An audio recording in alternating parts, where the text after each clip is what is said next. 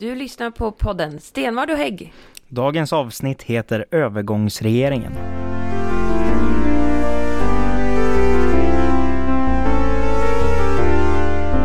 Välkommen till eh, årets sista, men också, nu blir väl ändå mandatperiodens sista podd. Jajamän. Och eh, välkommen Beatrice, du är också med idag. Ja, tack Ja. så mycket. Ja. Jag tänkte att det blir ju också sista podden som opposition.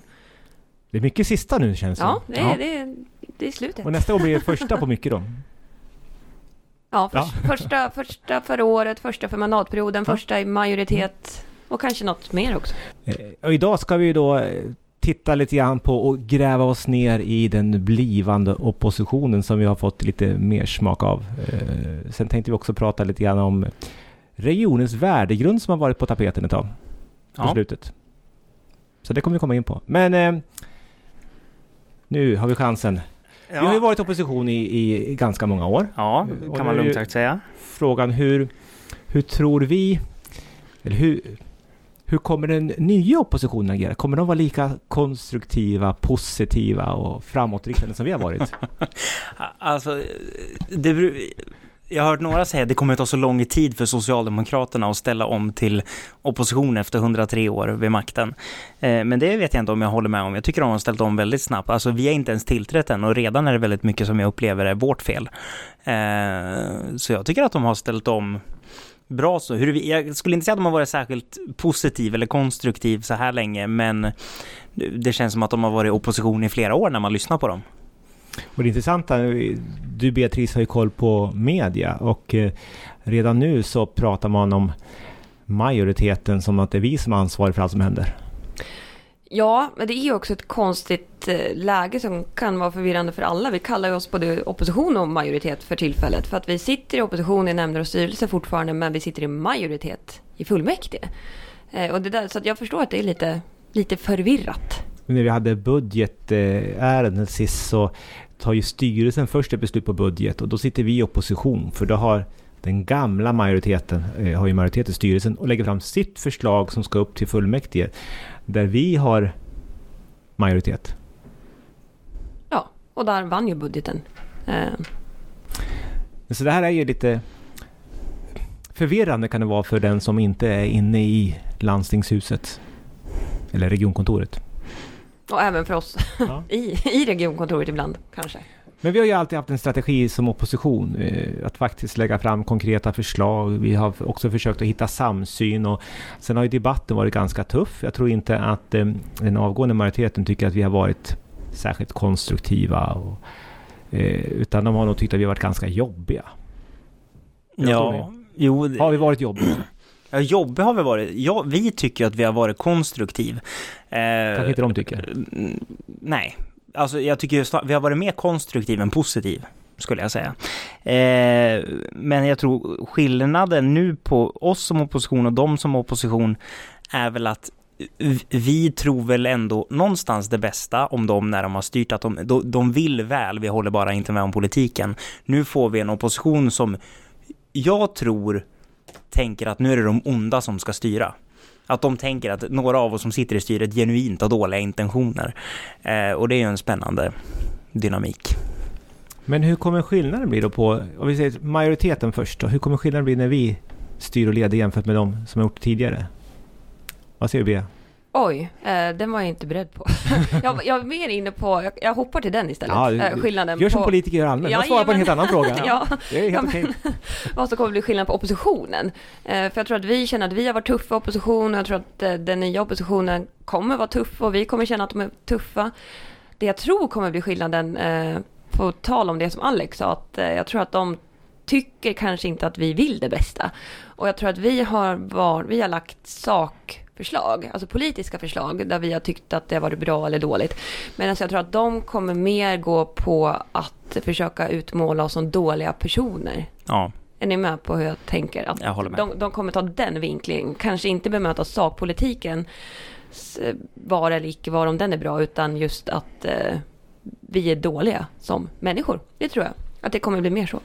Vi har ju fått lite försmak av det här under den här månaden som det har varit klart att de ska hamna i opposition och vi ska vara i, i majoritet så har vi fått lite försmak. Du sa Alexander, det är några interpellationer som kommer in. De börjar med att interpellera sig själv först. Det, det får man ju göra absolut. så. Stå och prata med varandra och, och, om, i det här fallet Ljusne hälsocentral.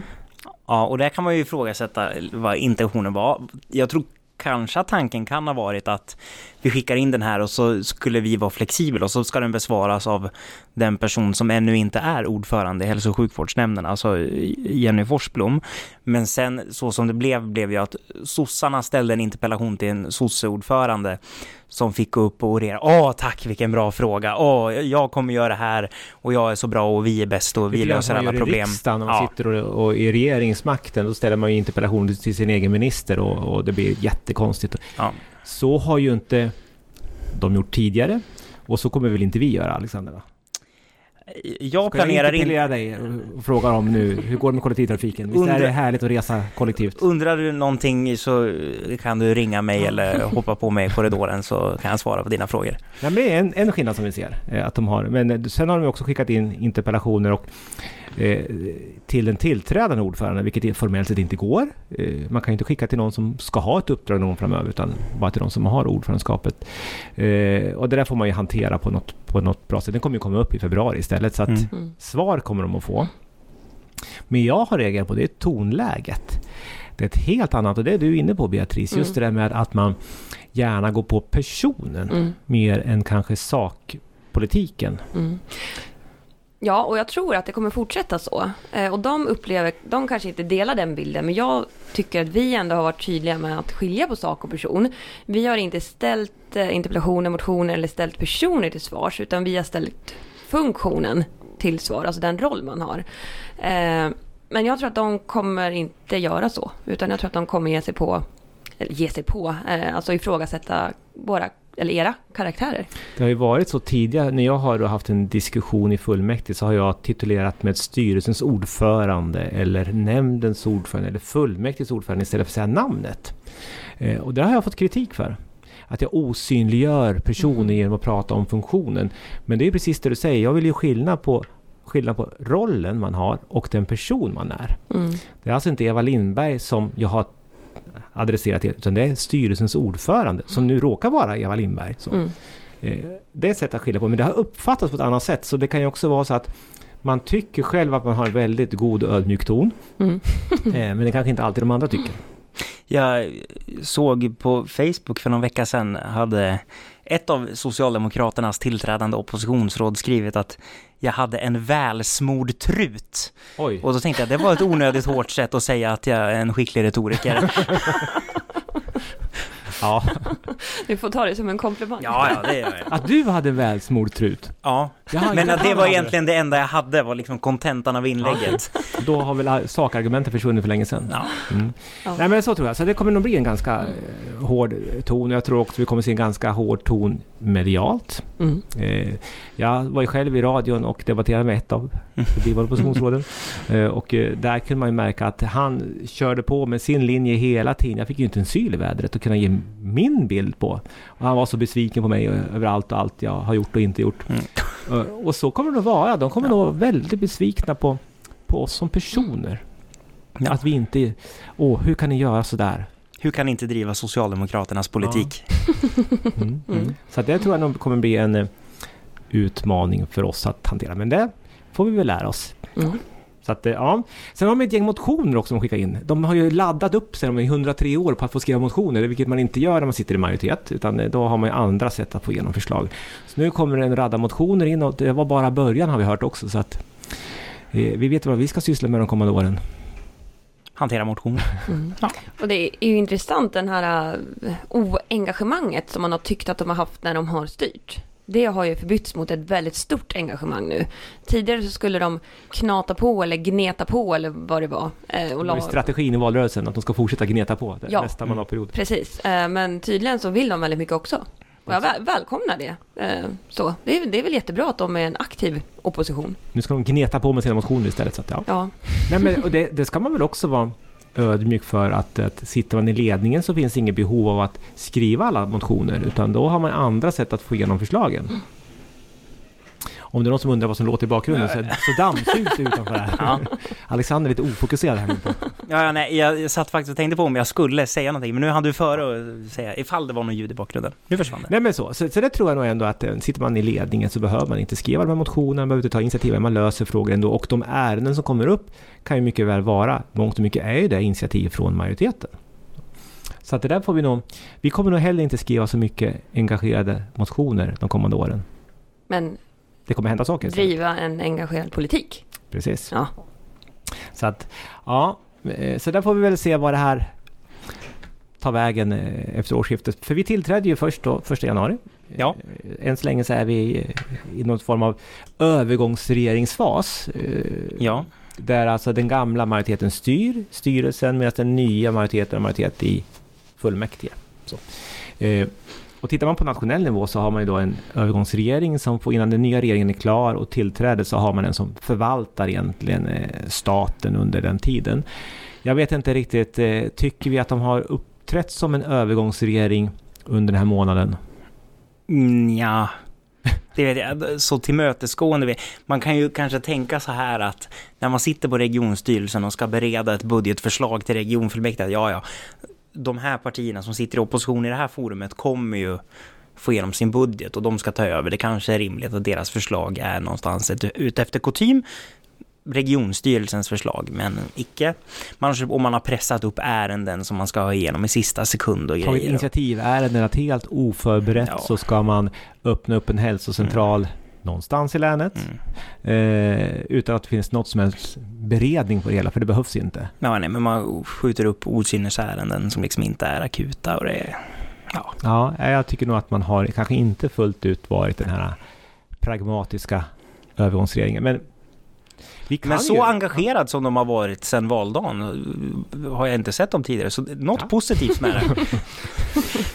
Men sen är det ju så, det ska vi säga, vi hade ju kunnat kalla till ett extra fullmäktige så fort vi var klar med våra eh, majoritetsöverenskommelser så hade vi kallat ett extra fullmäktige och så hade vi bytt ut hela styrelsen. Ja, men vi var väl lite mer pragmatisk då och lät bli att göra det. Ja. Mm. Så att ja, vi får väl se vad som händer nästa gång om många år när det blir maktskifte igen. Eh, 103 år. Ja, Mm. hur man gör då. Nej, men det, och jag vet vissa kommuner gör just på det sättet att också man byter egentligen direkt efter.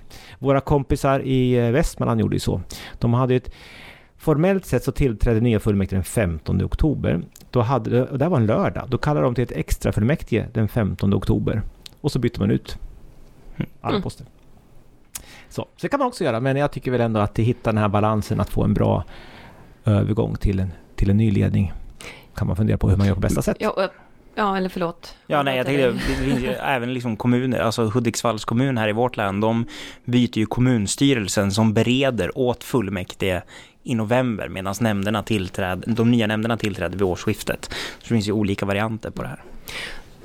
Ja, jag tänker att just här har det kanske funnits en fördel med att eh, det har sett ut så här ändå den här gången. För det här har ju aldrig hänt här förut. Så både för organisationen och för politikerna att liksom hitta sina roller i det här nya.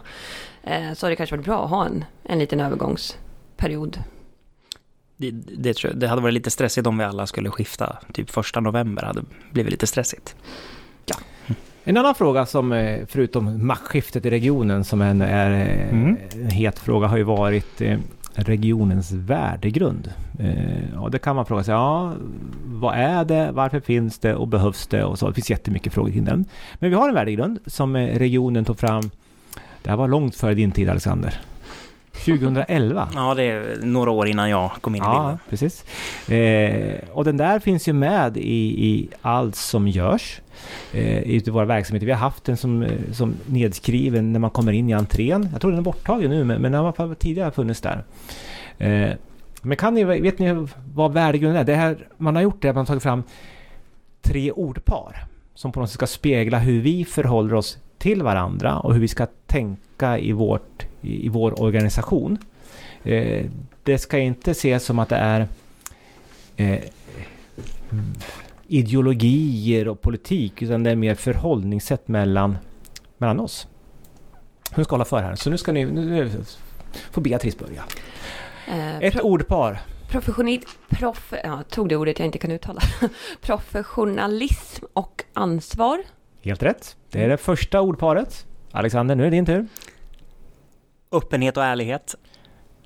Helt rätt. Det är det sist, tredje ordparet och däremellan är det något som kan det? Ödmjukhet och respekt. Respekt och ödmjukhet. Du får ett Ja, ja, poäng, så 2-1 till Beatrice. Ja. Du vann den här. Ja, jag, jag fick ju två chanser, Alex fick en. Så att Ja, den sista fick båda svara på. Jaha, okej, okej. Men det, så det, det är alltså då professionalism och ansvar, respekt och, respekt och ödmjukhet och öppenhet och ärlighet. Det är de ordparen. Vad innebär det här för oss? Ja, Hur tänker du kring det?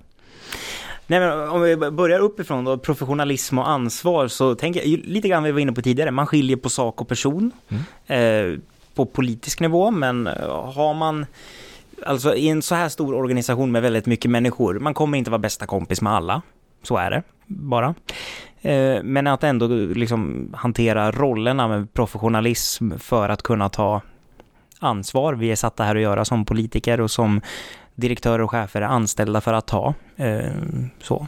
kan också handla om att man är påläst inför ärenden som kommer upp, att man läser de handlingar som finns, man ser till att det finns bra fakta så man kan ta eh, väl avvägda beslut. Eh, Det är professionellt. Men också att man tar ansvar för de beslut man fattar. Det är också ett sätt att, ja, det är också en del i det hela. Hur tänker du Beatrice? Om, om just det. Professionalism och ansvar. Vad innebär det för dig? Ja, men det är nog lite det ni har varit eh, inne på. Och sen tänker jag också att det hänger ihop med, med ärlighet och öppenhet och eh, det andra ordparet. Eh, men just det här med att ta ansvar eh, fastnade jag på. Eh, för det kanske är något som många upplever att politiker inte alltid gör. Eh, och jag vet, det här var för något år sedan. Då var det en av våra moderata eh, parti, partivän eh, till oss som, eh, som det var någonting som hade blivit väldigt tokigt. Jag kommer inte ihåg vad det var. I en annan region kan vi säga. Ja, i en annan Ja. region, inte här. eh, och han gick ut och eh, sa att det här blev fel. Liksom. Ja, jag tar ansvar för det.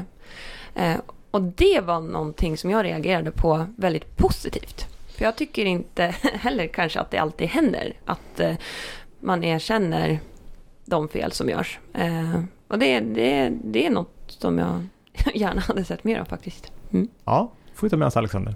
Andra ordparet. Respekt, ödmjukhet. Mm.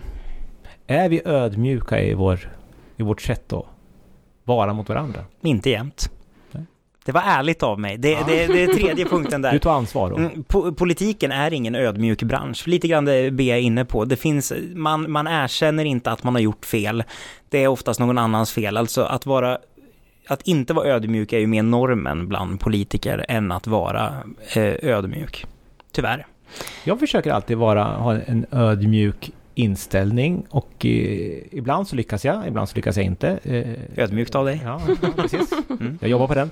Nej, men då, då är det också viktigt att man har någon som kan påminna. Ja, men det där kanske inte var så jätteödmjukt. Utan liksom försöka hitta den ingången. Att man Mm. också blir då nyfiken på andra. Menar, vad har våra politiska motståndare för bra argument? Mm. Att man faktiskt också lyssnar in och så. Vi bru- brukar prata mycket lyssnande ledarskap och det kan ju vara så.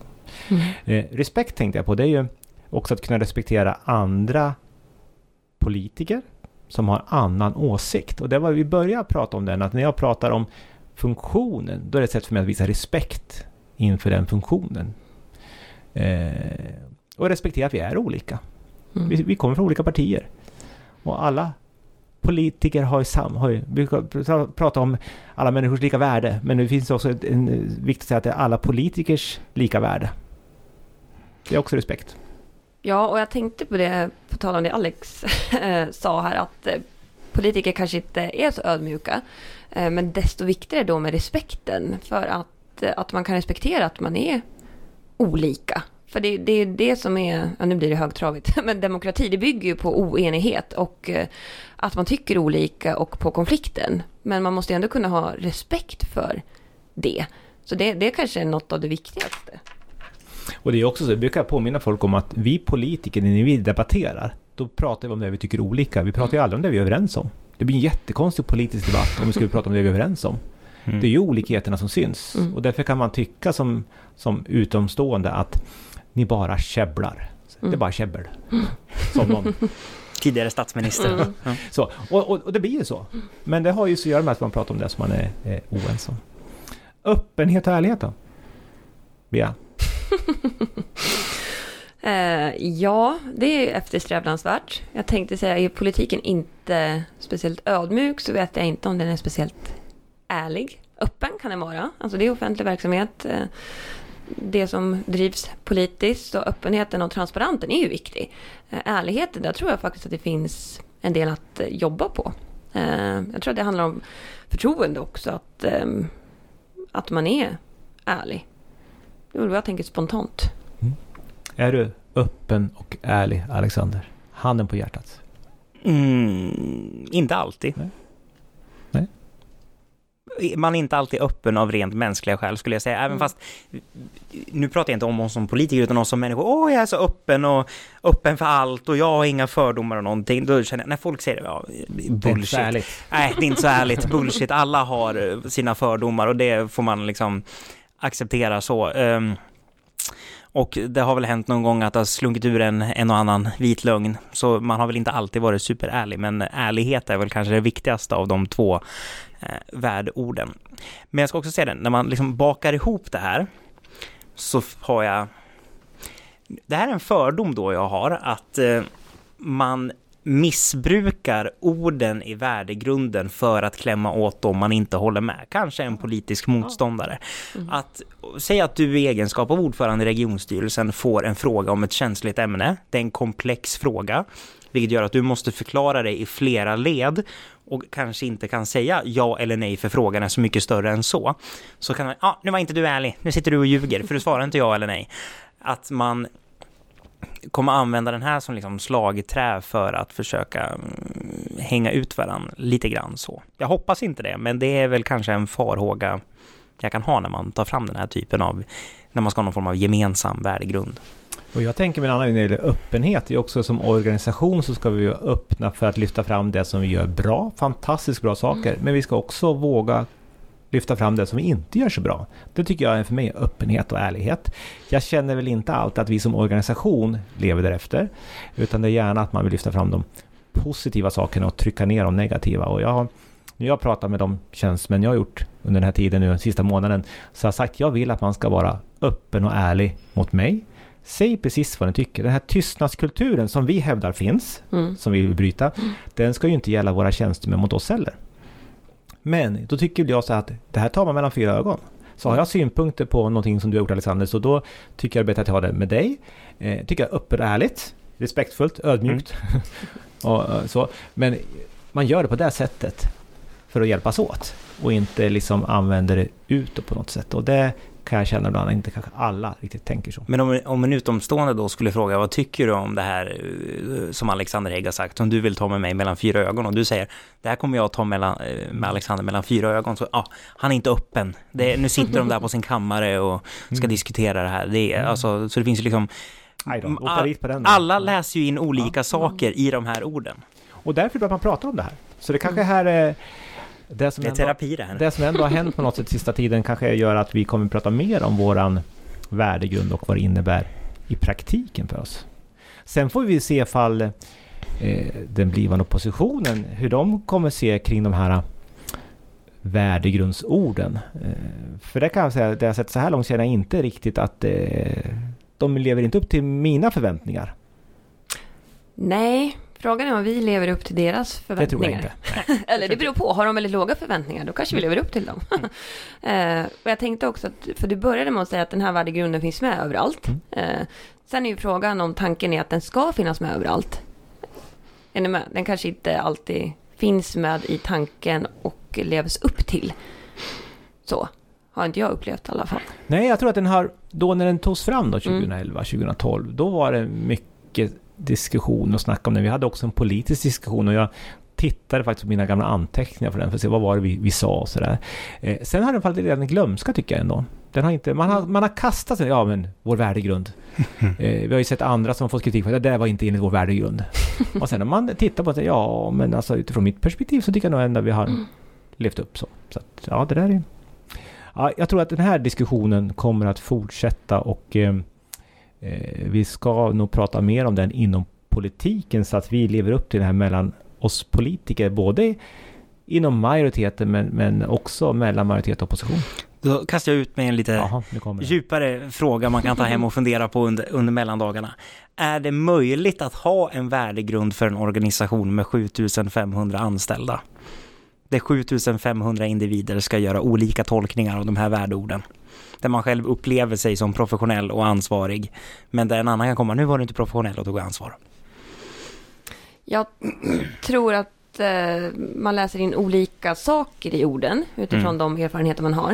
Eh, men det är väl också lite, för att koppla tillbaka till något vi var inne på förr, det beror på hur man använder det. Om, om man slår den i huvudet på någon. Mm. Och om man bara jämför andra med värdegrunden, då Mm. kan det bli svårt. Jag tror att poängen är väl att man ska liksom utgå från sig själv. Mm. Eh, och själv eh, bete sig professionellt, ta ansvar, vara respektfull och visa ödmjukhet. Då tror jag att det blir mycket lättare. Eh, att man bara lägger ansvaret på sig själv istället för att lägga över det på andra. Så länge du slår någon annan i huvudet på ett ödmjukt sätt med värdegrunden så är det helt okej ja. Men jag tycker det är, det är helt rätt analys Mm. det här är. Och jag tror framförallt att samtalet om det är det som är själva grejen. Mer än att man liksom har sex ord på väggen och så står man, ja ah, det där var inte så. Så det är bättre att man pratar om det. Så, så att, det är väl någonting vi får visa på i vårt nya engagerade lyssnande ledarskap som vi ändå har gått till val på. Ja. Ja. Men nu är det ju inte därför vi är här idag. För vi ska prata värdegrund. Alla sitter ju och väntar på Rim. Alexanders rimstuga som nu vi återigen ska få höra med nya rim till några personer vi inte vet än. Du ska få redogöra för det här. Men ja, eh, ja vad ska jag säga Beatrice? Vi, det är bara kör på. Nej men, Eh, jag satt igår och tänkte, ska jag rimma och ge tips till den nya oppositionen från liksom ett avgående oppositionsråd? Men utefter vår värdegrund så kände jag att nej, jag gör inte det. Eh, så då tänkte jag, jag skriver julrim till den nya majoriteten och de nya majoritetsregionråden. Oj. Ja. Så då åker vi. Eh, och det första blir då till Anna Sundberg, eh, regionråd för Sverigedemokraterna, eh, tillträdande vice ordförande i regionstyrelsen. Och då går så här. Varmt välkommen in i vårt gäng. Nu är det dags att styra en sväng. Vi hoppas att all din tid nu inte går till kyrkans församling när vi nu här rott i land en förhandling. Att tillsammans stoppa sosseriet kan kännas lite rörande. Hör av dig för tips om du vill veta hur man handskas med vår nya regionstyrelseordförande. Ja. Ja. Ja. Eh, nästa är till Jenny Forsblom, regionråd för KD, eh, tillträdande ordförande i hälso och sjukvårdsnämnden. Eh, vi har ju känt varandra ett tag och det har gått bra trots att du hejar på fel bandylag. För ditt parti gick det ju ganska bra i valet och det märks när du nu ska styra hospitalet. För Henriks skull låter vi Bollnäs sjukhus vara, trots att du har flera hundra miljoner att spara.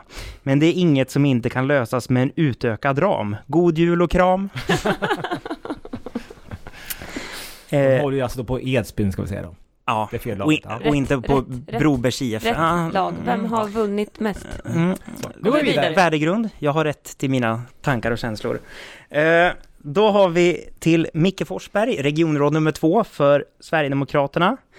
Eh, till min nya hållbarhetsnämndskompanjon. Varmt välkommen till att styra bussar, tåg och en ovan opposition. Vi en hel del tuffa beslut kommer få ta, för till skillnad från tidigare styre kan vi inte låta problemen vara. Vi kanske kan klara oss utan en bredare budgetram. Finns inget som inte kan lösas med lite reklam. ja. Ja. ja. Sen har jag till Henrik, regionråd för sjukvårdspartiet, tillträdande ordförande i hälsovalsutskottet. När ens bil plötsligt stannar och man får parkera längs diken är det dags att börja nyttja kollektivtrafiken. Och apropå lok, nu är det dags att revidera vår hälsovalshandbok. När du på utskottsmöten medlar, ser jag till att när du ska hem kan betala med fysiska sedlar. Då kommer Henrik bli jättenöjd. Det tyckte jag var en bra julklapp till Ja. Henrik. ja. Eh, nästa rim är till Lena Emanuelsson, Sverigedemokraternas regionråd nummer tre. Folkteaterns nya boss, även hon är välkommen att bli en av oss. När det blev När det nu blev ett maktskifte som vi båda ville är du välkommen till kontoret och till att lämna Hille. Jag hoppas att du med oss ska ha kul. Gott nytt år och god jul! Härligt! Ja, det. Sen, nu kommer vi in till, nu blir det parti... Jaha, den interna klubben här. Jajamän. Så jag börjar med Frida, så sparar jag dig till sist. Frida Ståhl alltså. Jajamän. Eh, nytt regionråd för oss moderater och tillträdande ordförande i kultur och kompetensnämnden. Jag hoppas att du i regionpolitiken ska känna dig nöjd och är säker på att du ska sköta ditt uppdrag galant tillsammans med Röjd. Till skillnad från kommun är debatterna hetare, men det fixar vår folkhälsovetare. Men du ska nog ge den nya oppositionen vad de tål. God jul, regionrådet Ståhl. och till sist då, Patrik. Oj! Det här är till dig. Oj. En gång för länge, länge sen klev en pojkspoling in på landstingsstyrelsen. I 14 långa år har du sett på när fel beslut fattas. Men nu blir det skillnad när regionen av dig ska rattas. Det kommer inte bli lätt att få ihop alla kronor och ören. Lycka till, guvernören! Oj, oj, oj. Ja. Varma ord som sägs ifrån eh, regionråd Hägg. Jajamän, jag har inte skrivit något rim till mig själv. Nej, och jag tror inte vi har... Vi, så, vi klarar av det själva. Att skriva till Alexander. Jag är inte bra på att rimma. Uh, inte så här Nej. på studs, nej, nej. Så att vi får se det nästa gång. Men eh, tack så mycket Alexander för, för eh, varma ord om den nya majoritetens regionråd. Jajamän, Ja. jag återkommer nästa år. Då får vi se vilka rimmen blir till. Ja, det här var vårt sista avsnitt för, som vi sa, mandatperioden, året som opposition. Eh, Och eh, vi börjar närma oss mot jul. Och eh, när vi kommer tillbaks, då är vi helt andra roller. Så är det. Ja. Så med det så önskar vi en god jul och gott nytt år och eh, vi syns på den nya Vi syns på andra sidan. Den nya, sidan. den nya eran. Ja.